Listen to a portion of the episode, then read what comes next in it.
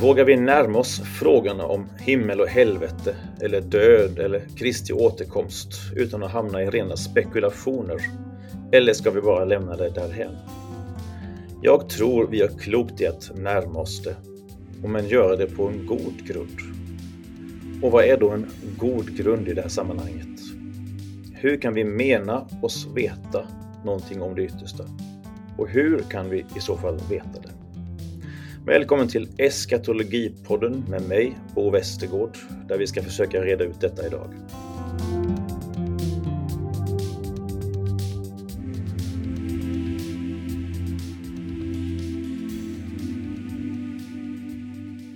Till vår hjälp har vi Philip Geister, rektor på Newman-institutet i Uppsala. Välkommen! Tack Bo, tack för den trevliga inbjudan. Du är ju förutom rektor också katolsk präst inom jesuitorden och har specialiserat dig inom eh, eskatologi, liksom inom kristologi, alltså läran om Kristus, och så, som också, också givetvis infattar eh, eskatologiska frågor. Men också inom teologi och miljöfrågor som i, i vart fall angränsar till de eskatologiska frågorna. Så jag blir lite nyfiken på hur du hamnade i just de här olika ämnena. Finns det ett samband mellan dem? Jag tycker att det finns ett samband, i alla fall fanns det för mig när jag skrev min avhandling för 25 år sedan, eh, där jag undersökte eskatologin hos den tyske teologen Karl Rahner. Och um, han är känd som en person som um, har genomfört ett uh, teologiskt pro projekt som man ibland kallar då för en antropocentrisk vändning, alltså att allt handlar om människan och människans personliga frälsning. Och jag har undrat i min avhandling om det är möjligt att tänka en, en kosmisk fullbordan, en naturens fullbordan, inte bara en människans fullbordan. Uh, särskilt i en teologi som är så människocentrerad som Karl Rahners teologi är. Så det var en fråga som intresserade mig och um, jag kom fram till att det är fullt möjligt i hans, um, hans teologi. Men uh, mitt intresse redan då eh, var om vi inte glömmer bort naturen och den um, icke-mänskliga omvärlden när vi tänker på teologiska frågor eh, och inte minst på fullbordan. Och i den bemärkelsen var jag, jag tidigt ute med en relation mellan eskatologi och, ehm, och miljöfrågor när jag började med min avhandling. Ja, det, det, är ju ofta ett något ensidigt fokus på just människans frälsning när man talar om det kristna hoppet. Att just bara vi människor tänks lämna denna skapelse för någonting nytt och fullkomligt.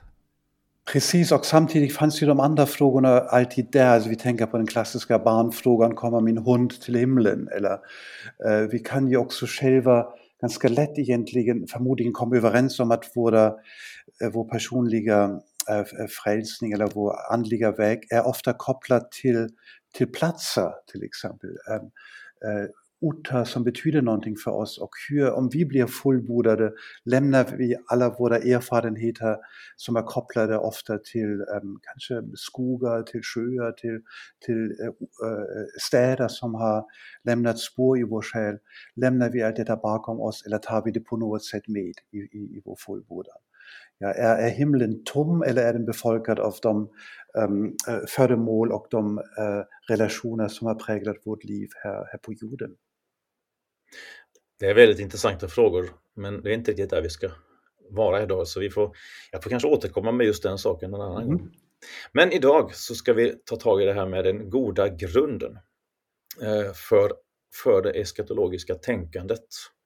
Det finns ju, man kan ju tänka sig ganska många dåliga grunder och mycket ren spekulation och sånt som har dåligt rykte. Men om du själv skulle kortfattat Eh, beskriva en god grund för eskatologisk reflektion, hur skulle det låta? Ja, jag tycker den skulle låta så här att, um, eh, att själva begreppet av kristendomen som uppenbarelse äh, uttrycker att, att Gud som uppenbarar sig vill ta bort en slöja av en okunskap om någonting som angår vårt liv och som är viktigt för oss. Så det, det hela ähm, man säga i andra sammanhang med kristendomen, att, att förstå bättre, att se, att få bli upplyst om, om det som förblir eh, annars hemligt i våra liv. Och i den bemärkelsen tror jag att det är fullt legitim att vi kan förvänta oss att uppenbarelsen också äh, ger oss ähm, lite ähm, insyn i, äh, i den stora äh, hemlighet av vad som väntar oss efter vår död. Att slöjan som ligger över, ähm, över dödens äh, mysterium dras i viss mån bort genom uppenbarelse. Det skulle vara en god grund. Så det är, det är uppenbarelsen som är själva grunden för att vi ska, ska kunna reflektera? Ja, det skulle vara en uh, viktig aspekt skulle jag säga. Men jag tror en annan viktig aspekt är, jag, jag, jag tror man måste verkligen vara försiktig att inte tolka eskatologi som en ren um, framtidsvetenskap. Ja? Alltså jag är lite nyfiken vad som händer efter min död och eftersom jag inte kan leva med den uh, osäkerheten, den oklarheten vad som kommer att ske med mig min död, då um, hänger jag mig Äh, åt spekulationer i förhoppning om att kunna bemästra äh, min, min, min rädsla inför döden med äh, inbillad kunskap. Det, det skulle säkert vara en dålig grund att, att bygga på den. Ja, men jag tror, som jag just nämnde där med begreppet uppenbarelse, att, ähm, att Gud uppenbarar sig själv och det betyder, om Gud är målet med vårt liv och Gud uppenbarar sig själv, då har han också uppenbarat vart vi är på väg. Man kan ju också säga så här att egentligen handlar eskatologi inte om något annat än om Gud äh, som människans mål och vad ett möte med Gud äh, kan, ähm, kan innebära. Och att ähm, ingångsvärden för hur detta möte ser ut under tidens tecken, alltså medan vi fortfarande lever, och evighetens förtecken när vi har, har dött, inte är radikalt annorlunda. Ja, att vi möter Gud på ett liknande sätt. Det, det skulle vara min utgångspunkt för, för varje eskatologi, att det som sker efter döden liknar väldigt mycket det som äh, utgör vårt, vårt möte med Gud redan här på jorden, eftersom det är samma Gud vi möter. Det är inte något helt annat som kommer att ske.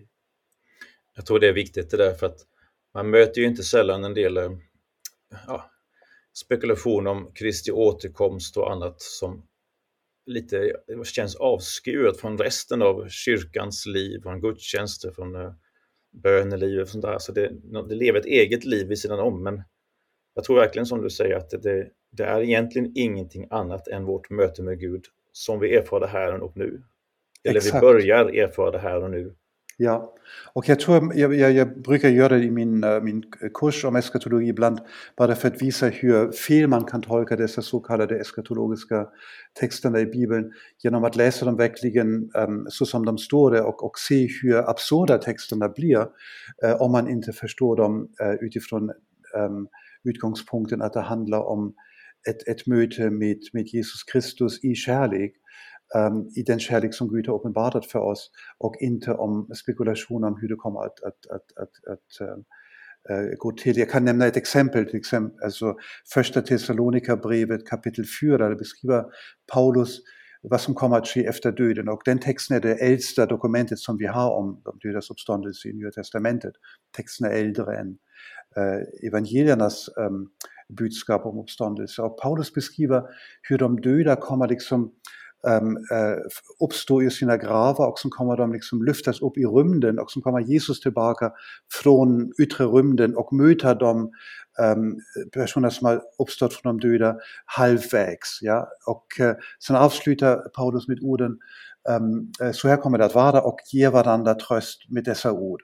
Och jag tänker, hur roligt och tröstande är det att leva en evighet i stratosfären i minus 60 graders kyla och eh, hänga där någonstans mellan målen eller ovanför målen eh, och, och, och ska trösta varandra med dessa ord. Ja, jag, jag tror Paulus är helt medveten om att vi tolka dessa äh, øh, øh, bilder bokstavligen utan vad han egentligen beskriver, att få rörelse av möten. Vi tar med oss vår värld och stiger upp till honom. Och øh, Kristus älskar oss så mycket att han kommer tillbaka till denna värld och till oss. Som han hela tiden kommer tillbaka till oss. Och, och vi möts och var, vi möts halvvägs, alltså vi tar båda sidor med um, vad som är viktigt för oss och vad som utgör vår identitet och, och detta möter egentligen det som Paulus vill, vill uh, understryka. Men om vi, om vi gör så att säga fysikaliska um, uh, beskrivningar av detta, då blir det helt fel. Och, och jag, jag är övertygad om att, att, att Paulus var medveten om detta. Det finns ju faktiskt en del som menar det ganska så bokstavligt, som läser det bokstavligt, åtminstone enligt vad jag har hört. Det finns ju den här rörelsen som kallas dispensationalismen, sa jag nästan rätt där. Alltså en rörelse som startade på 1800-talet som tolkade det hela väldigt bokstavligt. Och där tror jag man menar att det man kommer att möta, alltså Kristus kommer inte ända ner till jorden utan han stannar där och vi möter honom halvvägs.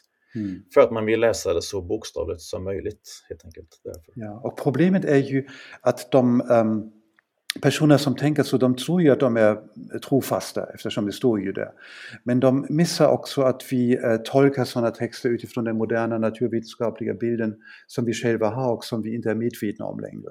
Jag är helt övertygad om att ingen som bodde i Thessaloniki under Paulus tid och fick detta brev eh, tolkade detta med en modern naturvetenskaplig eh, tolkningsram utan de, de såg eh, en symbolik i detta som, äh, som var mycket djupare än äh, naturvetenskaplig halvkunskap som vi ofta läser in i sådana texter. Så problemet är verkligen ähm, på, på vår sida om vi gör misstaget utifrån vår egen alltså säga, naturvetenskapligt präglad världsbild att, att läsa in detta i en text som inte vill, ähm, äh, vill, vill beskriva det med naturvetenskapliga termer.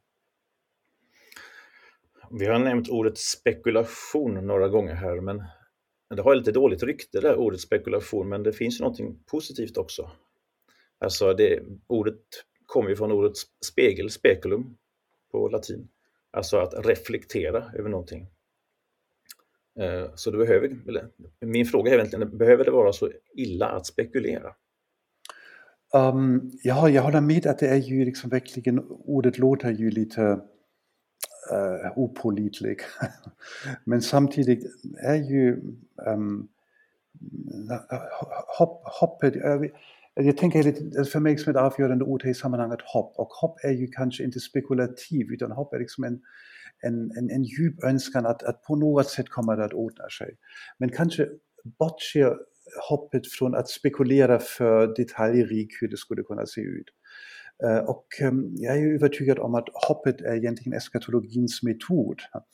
Alltså vi vet inte riktigt hur det kommer att bli, det som Gud har lovat oss. Ehm, men vi, vi hoppas att det blir så. Och hoppet är bestämt, alltså jag är övertygad om att det kommer bli så. Men kanske i viss mån um, avstår jag från att spekulera. Alltså jag, jag, jag målar inte ut mig hur exakt det kommer att se ut och hur, vem exakt jag kommer att möta till exempel efter min död i himlen utan jag bara rätt så allmänt litar på att, ähm, att allt kommer att bli bra, att Gud kommer att fullborda sin stora, äh, uh, sitt, sitt stora skapelseverk och att jag inte riktigt vet hur det kommer att, att, att bli, men att, att det kommer att bli bra. Jag, tänker ibland som en jämförelse att människor som levde före Kristus måste ha upplevt Jesu um, människoblivande och hans um, hans liv, förkunnelse, död och uppståndelse på precis samma sätt. Att de räknade med något helt annat när de tänkte på Messias och på räddaren och så vidare. Och sen kom det en person som dog på korset. Och sen hände denna märkliga, obegripliga, ofattbara uppståndelsen. Så både, de blev både Äh, besvikna och deras äh, förväntningar av de som kom till tron blev också överträffade. Och jag tror det är det som jag förväntar mig också från livet efter döden. Jag kommer att bli besviken eftersom det kommer att vara annorlunda än jag hade tänkt mig. Och jag kommer att vara äh, överväldigad att det har blivit bättre än jag i mina vildaste spekulationer kunde tänka mig. Någon tänkte kring ordet spekulation ungefär så här att det är en personlighetsfråga. Somliga är kanske mer pragmatiska och tycker det är helt onödigt att fundera över det vi inte rimligen kan veta så mycket om. Medan andra eh, inte riktigt tycker att den där gränsen för vår kunskap, eh, att de, man frågar sig egentligen vad är, vad är bakom den gränsen? Vad, vad finns det egentligen där? Mm. Alltså om vi ändå börjar att fundera på och har en tendens till att fundera på det som finns bortom vår kunskapsförmåga så måste man ändå kunna göra det på ett vettigt sätt, på en god mm. grund. Och det är väl det ja. som en del av eskatologin handlar om, att eh, spekulera men försöka göra det på ett så vettigt sätt som möjligt för att man ändå gör det. Man Mm. ändå spekulerar, man ändå funderar över det som händer därefter. Absolut. Och ja, eh, det, det som är kanske utmaning är att, eh, att fundera som troende som um, vill uh, tänka hur det skulle kunna bli efter döden. Att fundera vilka bibliska um, teologiska um, hjälpmedel får för att göra det på ett, på ett klokt sätt. Och, uh, jag tänker ju, jag vet inte om det är mycket katolsk, men tanken att, um, att, uh, att liturgin, alltså gudstjänstfirande, är en bra hänvisning eftersom då upplever man gemenskap, man upplever Guds närvaro under brödets och vinets gestalt.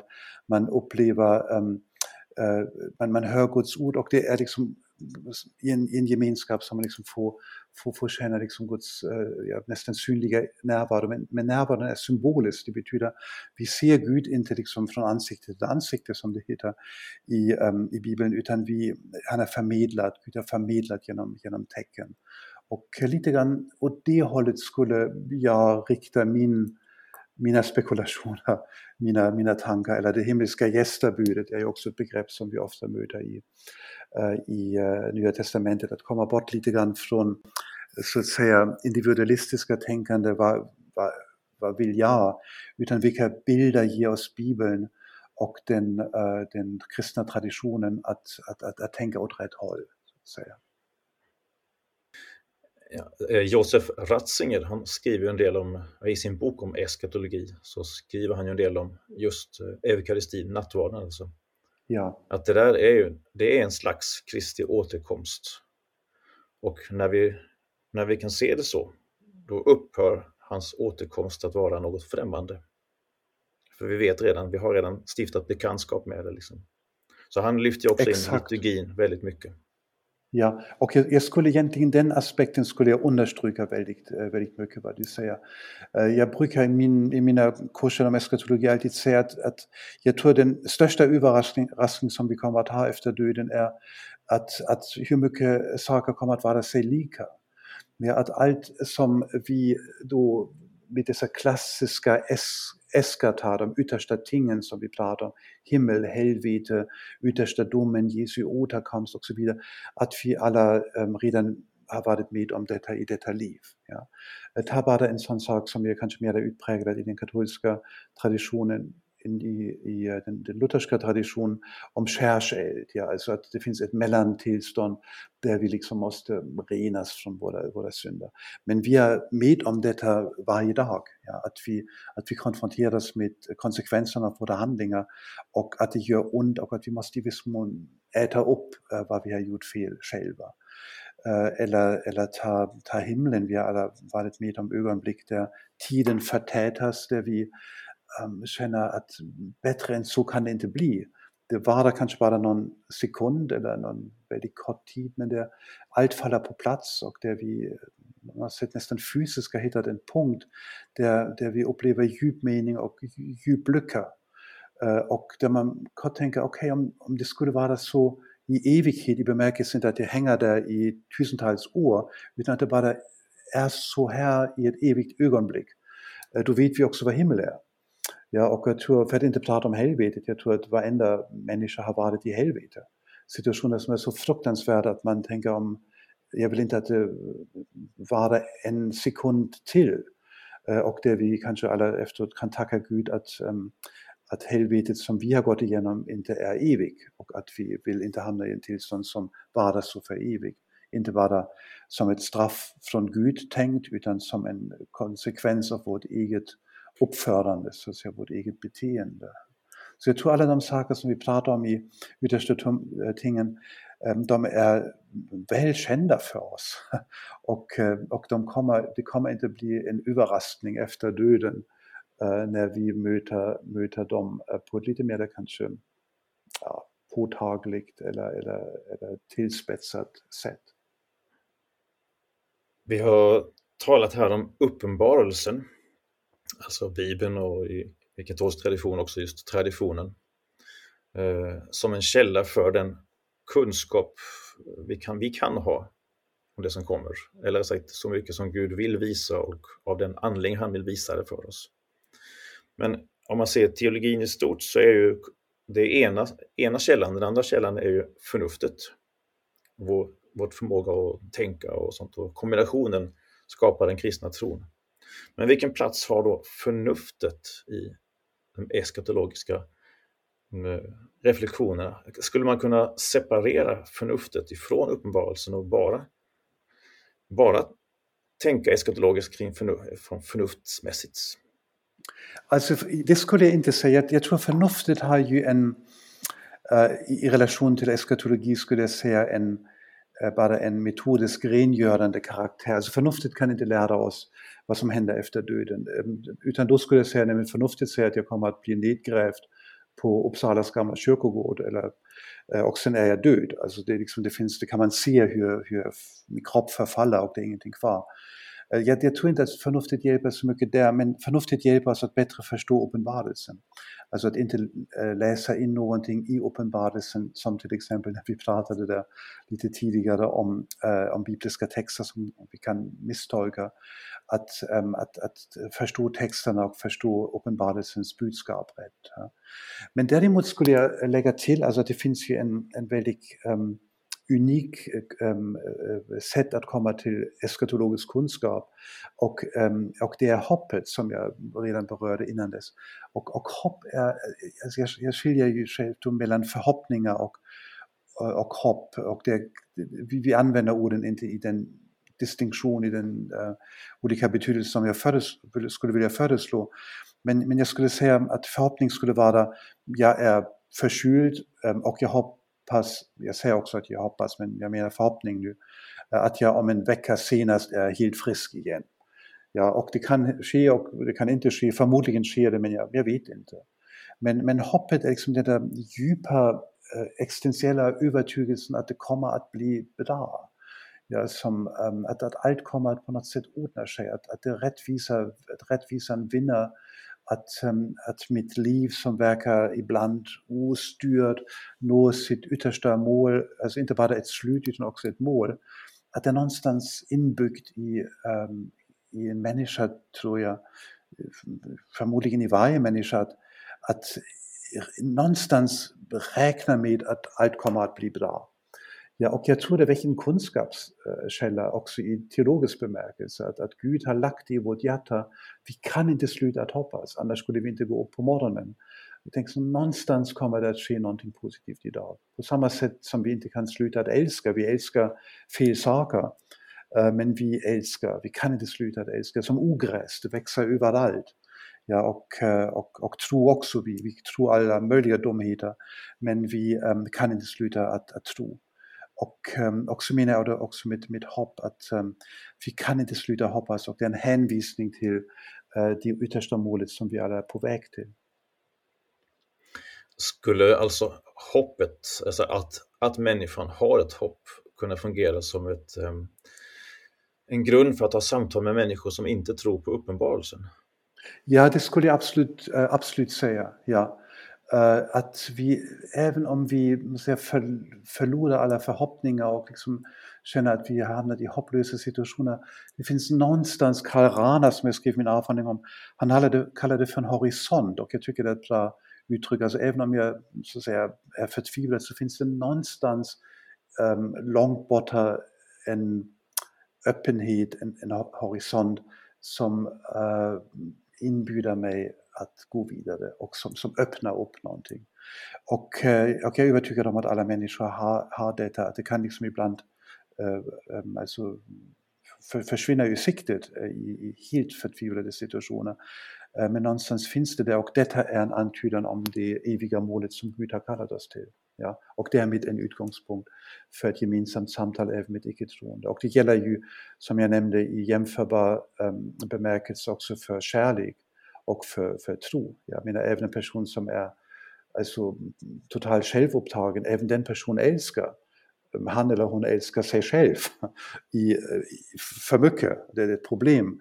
Men, men det ifrågasätter inte själva förmågan att älska och själva ähm, äh, faktum att vi kan hoppas på fel grejer. Ja, om någon är svårsjuk och hoppas att liksom kunna resa till Mallorca nästa år, hoppas på fel sak. Men det ifrågasätter inte själva förmågan att hoppas som jag menar är en Guds gåva i varje människa. Så om du skulle vara med på en vetenskaplig miljökonferens, um, vad skulle du kunna bidra med, tror du? Jag tror faktiskt med begreppet hopp. Därför jag lagt märke till det också i, samtal med, med kristna teologer, att man ofta pratar om hopp, alltså till exempel kan vi fortfarande hoppas i den här klimatkrisen? Och jag tycker att för en teolog är det en icke-fråga, eftersom det, hoppet är inte en rimlighetsbedömning av möjliga utvägar, utan hoppet är ett förhållningssätt till verklighet i sin helhet, där vi utgår ifrån att vi kan um, möta Gud även i till synes hopplös uh, uh, verklighet finns det alltid anledning att hoppas. Ja, och, och det kanske just inte en spekulation, jag kan inte räkna ut mig lite grann hur kommer vi att ta oss ut ur det här. Och jag behöver inte kunna göra det, men jag kan ändå behålla denna um, ehm, förhållningssättet av, av hopp, att, att man inte ger upp. Uh, och att man räknar med att någonting gott kommer ut ur detta, även om jag själv inte har då förmåga att föreställa mig detta. Uh, och det tycker jag skulle vara ett väldigt viktigt bidrag uh, också till den eller inte minst till den vetenskapliga diskursen kring klimatförändring. Vi inte får förlora hoppet. Inte därför att vi vet lösningar, utan därför att hoppet eh, äh, ska inte dö av teologiska och mänskliga skäl. Men jag kan ändå tänka mig att den som har en rent eh, materialistisk syn på tillvaron, en rent biologisk syn, inte skulle bli övertygad om det utan att eh, om människan dör så dör hoppet också så att säga. Det finns ingenting utanför själva kemin och som, som skapar hoppet. Uh, absolut, men jag skulle säga att ehm, um, detta, jag skulle åtminstone vilja diskutera med den personen fem minuter till om, om det som hon säger då inte också är uttryck för hopp. Ja, att man, att man kommer med sina sin spekulativa förmåga till en gräns och kan inte tänka sig det. Men att man någonstans äh, skulle säga jag har inte den blekaste aning hur det, hur det kan gå till, men hur fint det skulle vara om det skulle bli en, en lösning. Ja, och, uh, och, och den personen kanske också skulle gå med till att man kunde enas om exempel i världshistorien där människor hade tappat allt hopp och på något sätt fortsatte livet och på något sätt fortsatte också en meningsfull existens. Um, och även om det liksom blev stora katastrofer uh, i, i enskilda liv och i historiska händelser. Men att man ändå kan säga att det, det finns vändningar, det finns ehm, eh, um, Newport och det finns också individuella, är sista ordet inte sagt och bara det faktum att det sista ordet inte är sagt än tycker jag håller någonstans någonting öppet uh, som inte kan stängas så länge inte liksom det är stängt utifrån genom min död till exempel. Och äh, ja, alltså jag, jag tror det, det som man skulle med en, ähm, med en äh, icke-troende kanske kunna enas om är, så vi, vi, vi, vi kan inte besvara frågan men vi kan inte heller helt äh, utesluta möjligheten att det som hoppet äh, lär en kristen att detta inte skulle inträffa efter en människas död. Det finns ju en del eh, nära döden-upplevelser eller beskrivningar av nära döden-upplevelser. Eh, kan de användas som någon slags grund för kunskap i det här sammanhanget? Personligen tycker jag inte det eftersom de är som du säger eh, verkligen nära dödsupplevelser. Ja, och det är, de, de har ju ofta en bestickande um, uh, uh, alltså överensstämmelse av, av vad människor upplever Eh, av, av, av lycka eller av ljus som de ser och, och det, det, kan ju vara en bekräftelse om man är rädd för döden, att det ändå kommer något ljust efter det. Men jag tror man måste också vara metodisk noga att dessa personer inte har varit döda. De, de har liksom kommit i ett tillstånd som kan kanske förklaras också med, ehm, med, med hjärn, hjärnfunktioner, eh, att de upplevt det som de upplevde. Men, men jag tror att ähm, det som sker efter döden ligger verkligen bakom vår, vår kunskap och är i den bemärkelse uteslutande um, ähm, tillgänglig för, för, för, för tro eller, eller för hopp. Ja, in, inte, det äh, kan inte så att underbyggas med, med, med egna erfarenheter. Förutom de erfarenheter som de människor som hoppas och tror i det här livet redan har i det här livet. Som vi pratade om um liksom, i till exempel gudstjänst eller erfarenhet av kärlek och så vidare. Du tänker kanske att, det är, att de har tagit ett litet för litet steg in på andra sidan för att kunna uttala sig om det. Ja, så kan man säga, precis. Eller och jag kan för lite liksom om biologi eller kanske inte har tagit ett, tagit ett, eh, ett steg alls in eftersom det är ju väl någonstans en gräns där man säger nu är en människa verkligen i medicinsk alla bemärkelser hjärndöd och, eh, och, och vad är, eh, hur upplever, uppleva någonting överhuvudtaget eller, eller gripa våra ord om, um, om upplevelser överhuvudtaget, om det inte finns de um, fysiologiska eh, uh, grundvärden för det, för det längre. Så jag, jag, jag skulle bara jag säga som teolog skulle jag säga att de um, erfarenheter hjälper en teolog inte vidare i en, en förståelse. Uh, om, om det hjälper liksom en människa att, att, att, att finna tröst och, uh, och kanske att, att, att få en, liksom, ett hopp, en förhoppning om det går vidare, då, då, det kan jag inte utesluta. Men för en teolog tror jag det inte är en kunskapskälla. Om vi föreställer oss att vi hade fått intervjua Lazarus som uppväcktes efter fyra dagar i döden. Där kanske man kunde ha talat om en riktig upplevelse av vad det är att vara död. Ja, verkligen. Om vi bara spekulerar fritt nu. Exakt, ja. Det är ju verkligen en, från det perspektivet en intressant text um, uh, som väcker många frågor, inte minst eftersom han har ju också varit så pass död att hans, uh, den kroppsliga processen hade redan börjat, att han liksom förfall och vad, hur det inne, vad det innebär att återvända till livet igen, det är ju verkligen, då kommer vi verkligen in i spekulationens område. Och Bibeln ger oss ju, den texten i Johannes evangeliet ger oss ju inga hänvisningar till att, um, att, att besvara de, de frågorna. Vi har ju nämnt Kristi återkomst här något kort. Eh, du har ju också fördjupat inom kristologi, alltså läran om Kristus. Och tillsammans med den eskatologi som du också har forskat kring så tänker jag att du har någonting att tillföra till, i tankarna kring Kristi återkomst. Kan det vara så? Jag hoppas det. Dina äh, åhörare får avgöra om jag har ett svar eller bara äh, förvärrar frågorna. Som du säger hänger ju kristologin och och, och eskatologi väldigt starkt ihop eftersom eh, i slutändan är äh, frälsning kopplat till Jesus Kristus i den, i den kristna tron. Och ähm, Jesu återkomst äh, markerar ju egentligen i den kristna tron ähm, slutet på den mänskliga historien. När Jesus kommer tillbaka, då tar historien slut. Ähm, äh, øh, världen tar slut øh, och øh, historien har kommit också till sitt mål. Alltså det är inte bara ett, ett avbrott i bemärkelse, ett slut, utan också i den kristna tron som jag förstår den, utan också ett, ett mål som, som världen når. Um, och uh, jag, jag, personligen tycker alltid att det är en hjälp att um, tänka de yttersta tingen utifrån rörelser snarare än, än tillstånd eller, eller framförallt inte i det här fallet historiska beskrivningar. Jag tror för att utesluta det på en gång. Vi kommer inte att vara med om, uh, om en händelse som vi skulle då uh, som skulle stå i tidning dagen därpå som Jesu återkomst. Alltså det är inte så att man har bättre syn på Jesus um, när man bor på en kulle uh, eller i Jerusalem på hans återkomst. En sån händelse kommer inte att ske. Och, vi, och om, den, om någon skulle tro att den kommer att ske så kommer vi inte att kunna identifiera den som sådan. Det, det närmaste øh, vi kommer är väl vår personliga dödsögonblick, att det blir Jesu återkomst till vårt liv.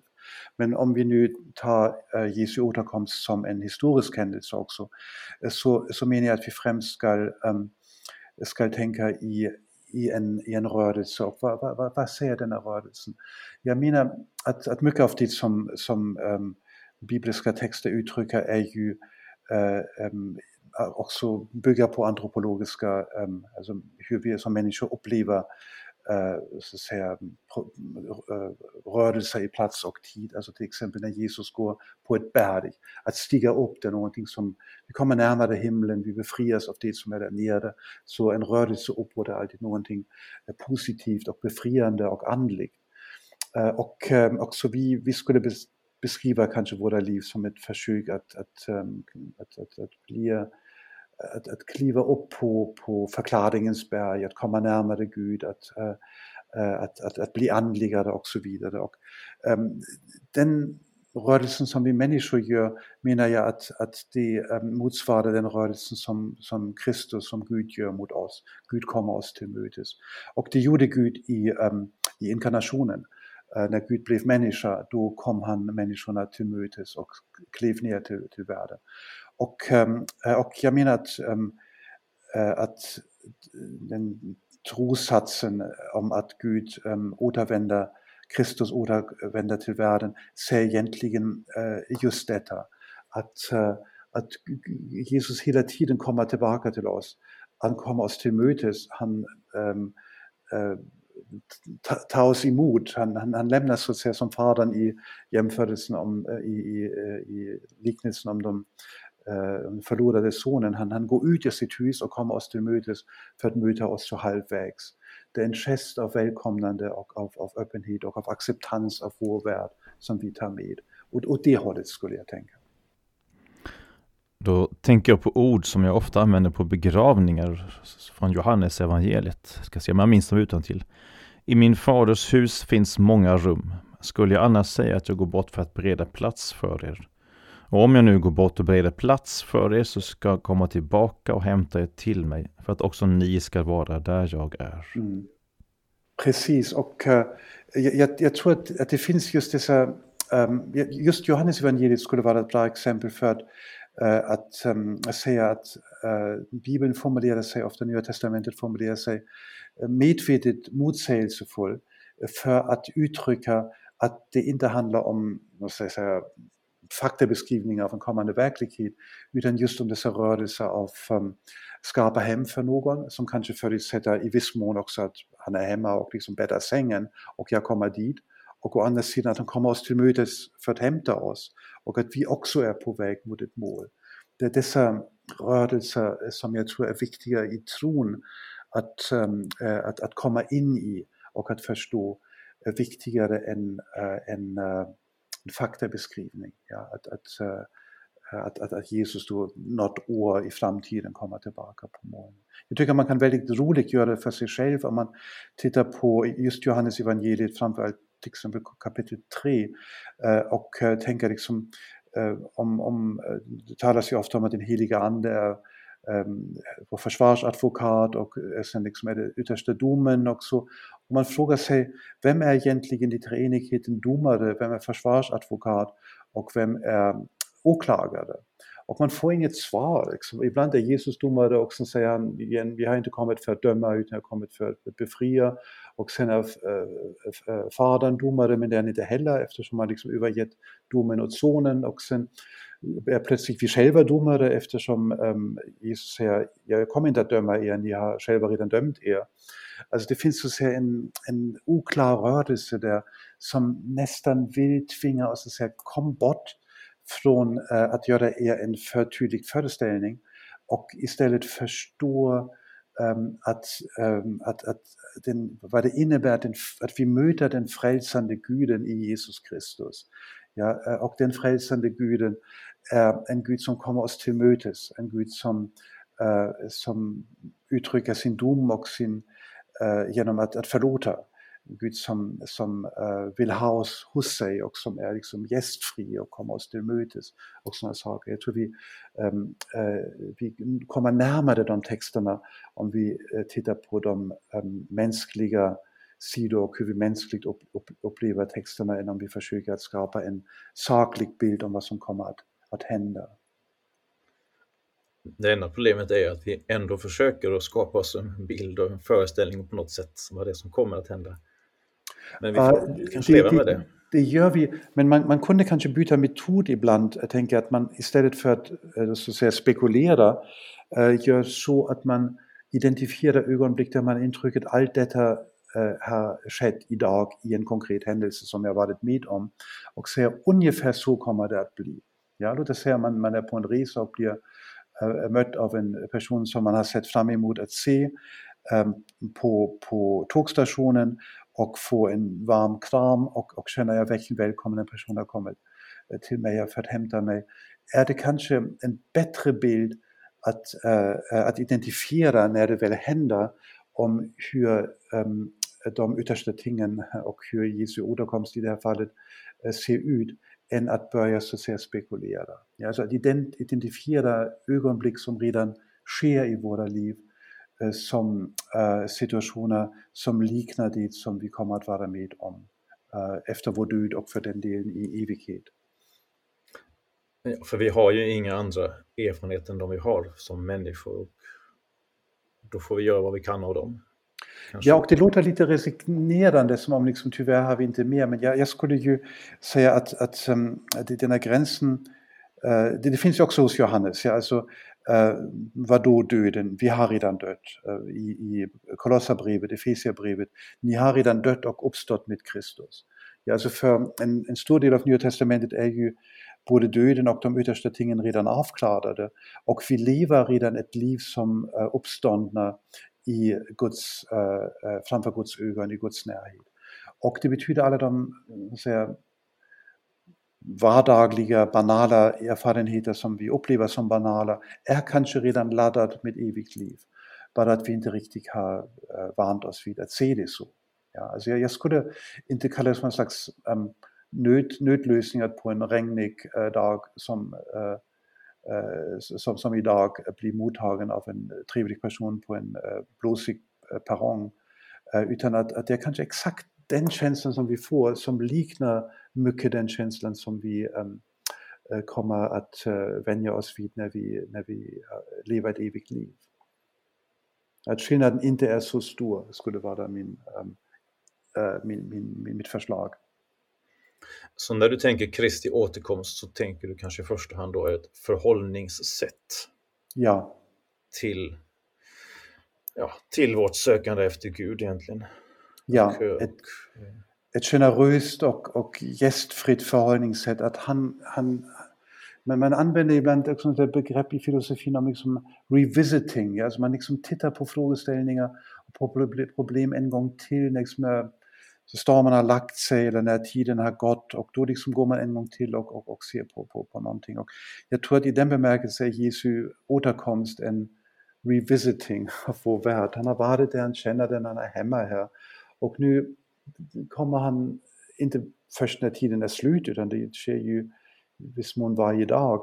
Han, han kommer tillbaka och, ehm, och, och hälsar på igen och, och anknyter till en pågående historia som vi har med honom. Jag tycker det är något väldigt vackert med denna bild att, att, att få återbesök, att, att kunna för en gammal vän berätta hur det har gått sedan dess. Och eh, en person som förstår, som är så pass ödmjuk att komma tillbaka Eh, och att, eh, eh, att, som, som, som, som känner hela förhistorien och är villig att gå vägen vidare med mig. Men om man tänker nu rent teologiskt, för det vi har pratat om nu har kanske mest varit pastoralt eller själavårdsmässigt.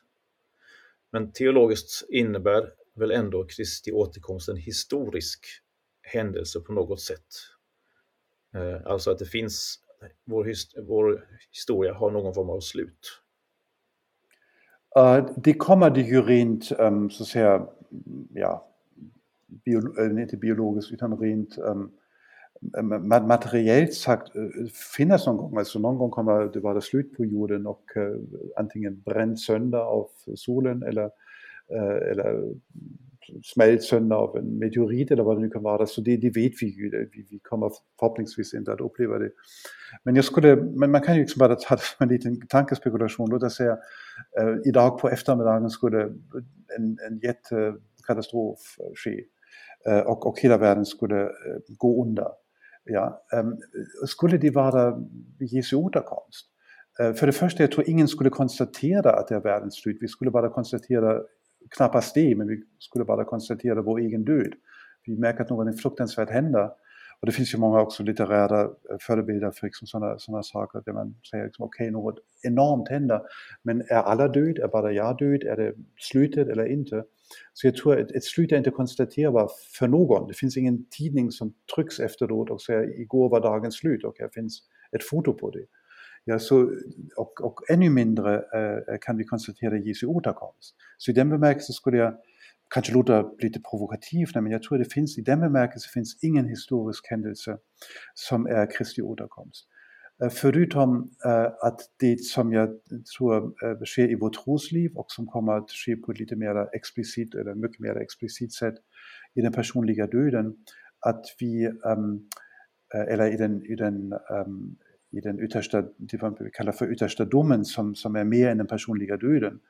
Uh, men där vi liksom en gång till efter vår död um, förstår världshistorien och Guds närvaro i den på ett, på ett uh, mer omfattande sätt.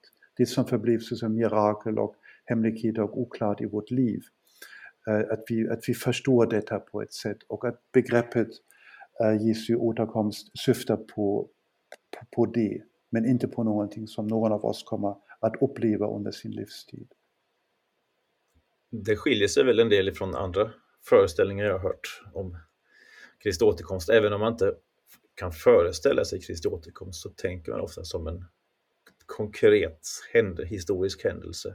Ja, och, och har verkligen stor respekt för den uppfattningen. Jag där själv och jag skulle gärna, kanske om någon av dina åhörare vill vara så snäll att um, kontakta mig, uh, eftersom jag helt enkelt inte själv lyckats att, um, uh, att föreställa mig hur detta skulle kunna se ut så att de uh, både, bibelteologiska förutsättningarna och de existentiella förutsättningarna bemärkelse, hur upplever jag detta, skulle vara uppfyllda. Alltså bibelteologiskt menar jag att en bibeltext är formulerad att den ger oss både hopp men också en djupare förståelse. Men vad har jag för nytta av en text som inte varken ger mig hopp eller varken ger mig en djupare förståelse av det som kommer att ske?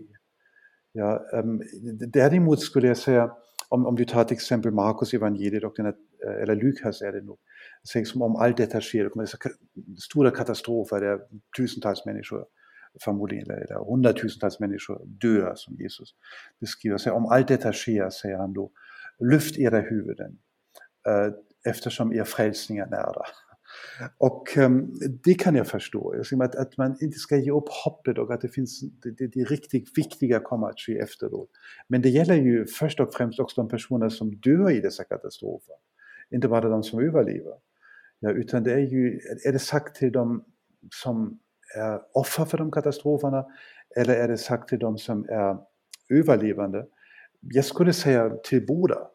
Till, till de som dör, liksom, det, var inte, det, det känns hemskt att dö, men det är inte det värsta som kan hända dig. Och för de som överlever och måste klara sig efter en kosmisk katastrof är det också lyft era huvuden. Alltså det är den början av en ny frälsning som, som, som börjar. Eh, uh, där skulle jag säga, förstår jag det um, existentiella Eh, och, och, även historiska betydelsen av en sån text. Men att, um, att, att en person som dog för 50 år sedan uh, skulle på sin dödsbädd ha tänkt jag missade Jesu återkomst eftersom jag dog för tidigt. Det är väldigt, väldigt svårt att, att få ihop med min förståelse både av Bibeln och av, um, uh, av, av, den kristna alltså, så att säga, trostradition det här vittnar om att eh, lite som, som, det som präglar katolsk teologi, att allting måste hänga ihop. Och det, får, det får inte vara några logiska motsägelser inom teologin. Det ligger något i det, ja. Verkligen.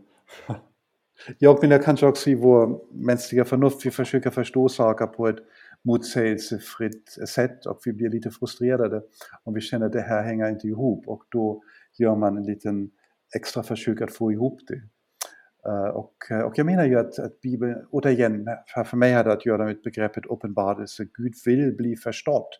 Gud är kommunikatör. Gud, um, hela, hela definitionen av Gud, att han är utgående, alltså i Gud själv, i treenigheten, att treenigheten hela tiden kommunicerar med varandra. Eh, men också i relation till människor, att Gud skapar människor eftersom man vill ha någon annan att prata med och han vill meddela sig, han håller inte tillbaka. Ja, varför skulle han säga någonting eh, som, som varför skulle han liksom skapa, eller, eller um, antyda en händelse som ingen får uppleva? Utan jag tror att Jesu återkomst är någonting som varje människa ska uppleva, få vara med om. Uh, och, uh, och att vi är med om detta utan att vi märker det varje dag. Uh, och mest tydligt och mest um, så att säga, Eh, så avslöjad i vår, i vår död. Du säger att Gud är en kommunikatör, men jag, nu säger jag någonting jag kanske måste ångra säga, men det, här, det känns lite som att han skulle behöva gå en kurs i enkel kommunikation för att med otvetydiga budskap. För det, den kommunikation som vi har tillgång till är ju inte så jätte, jättelätt att förstå. Tycker du inte tvärtom Bo, att man skulle säga att alla kommunikatörer som vi kallar för kommunikatörer borde gå teologiska kurser för att, för att lära sig kommunicera hemligheter?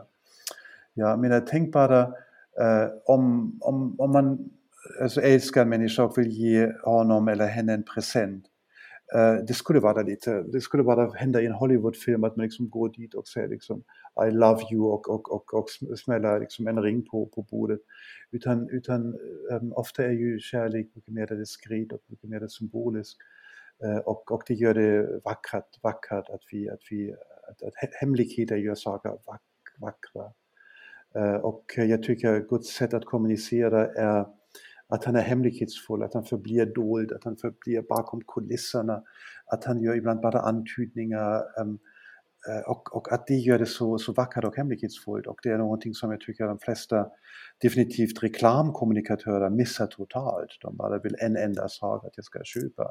Jag tycker kommunikatörer ska lära sig av Gud och inte Gud av kommunikatörer. Tack, det var ett väldigt bra svar.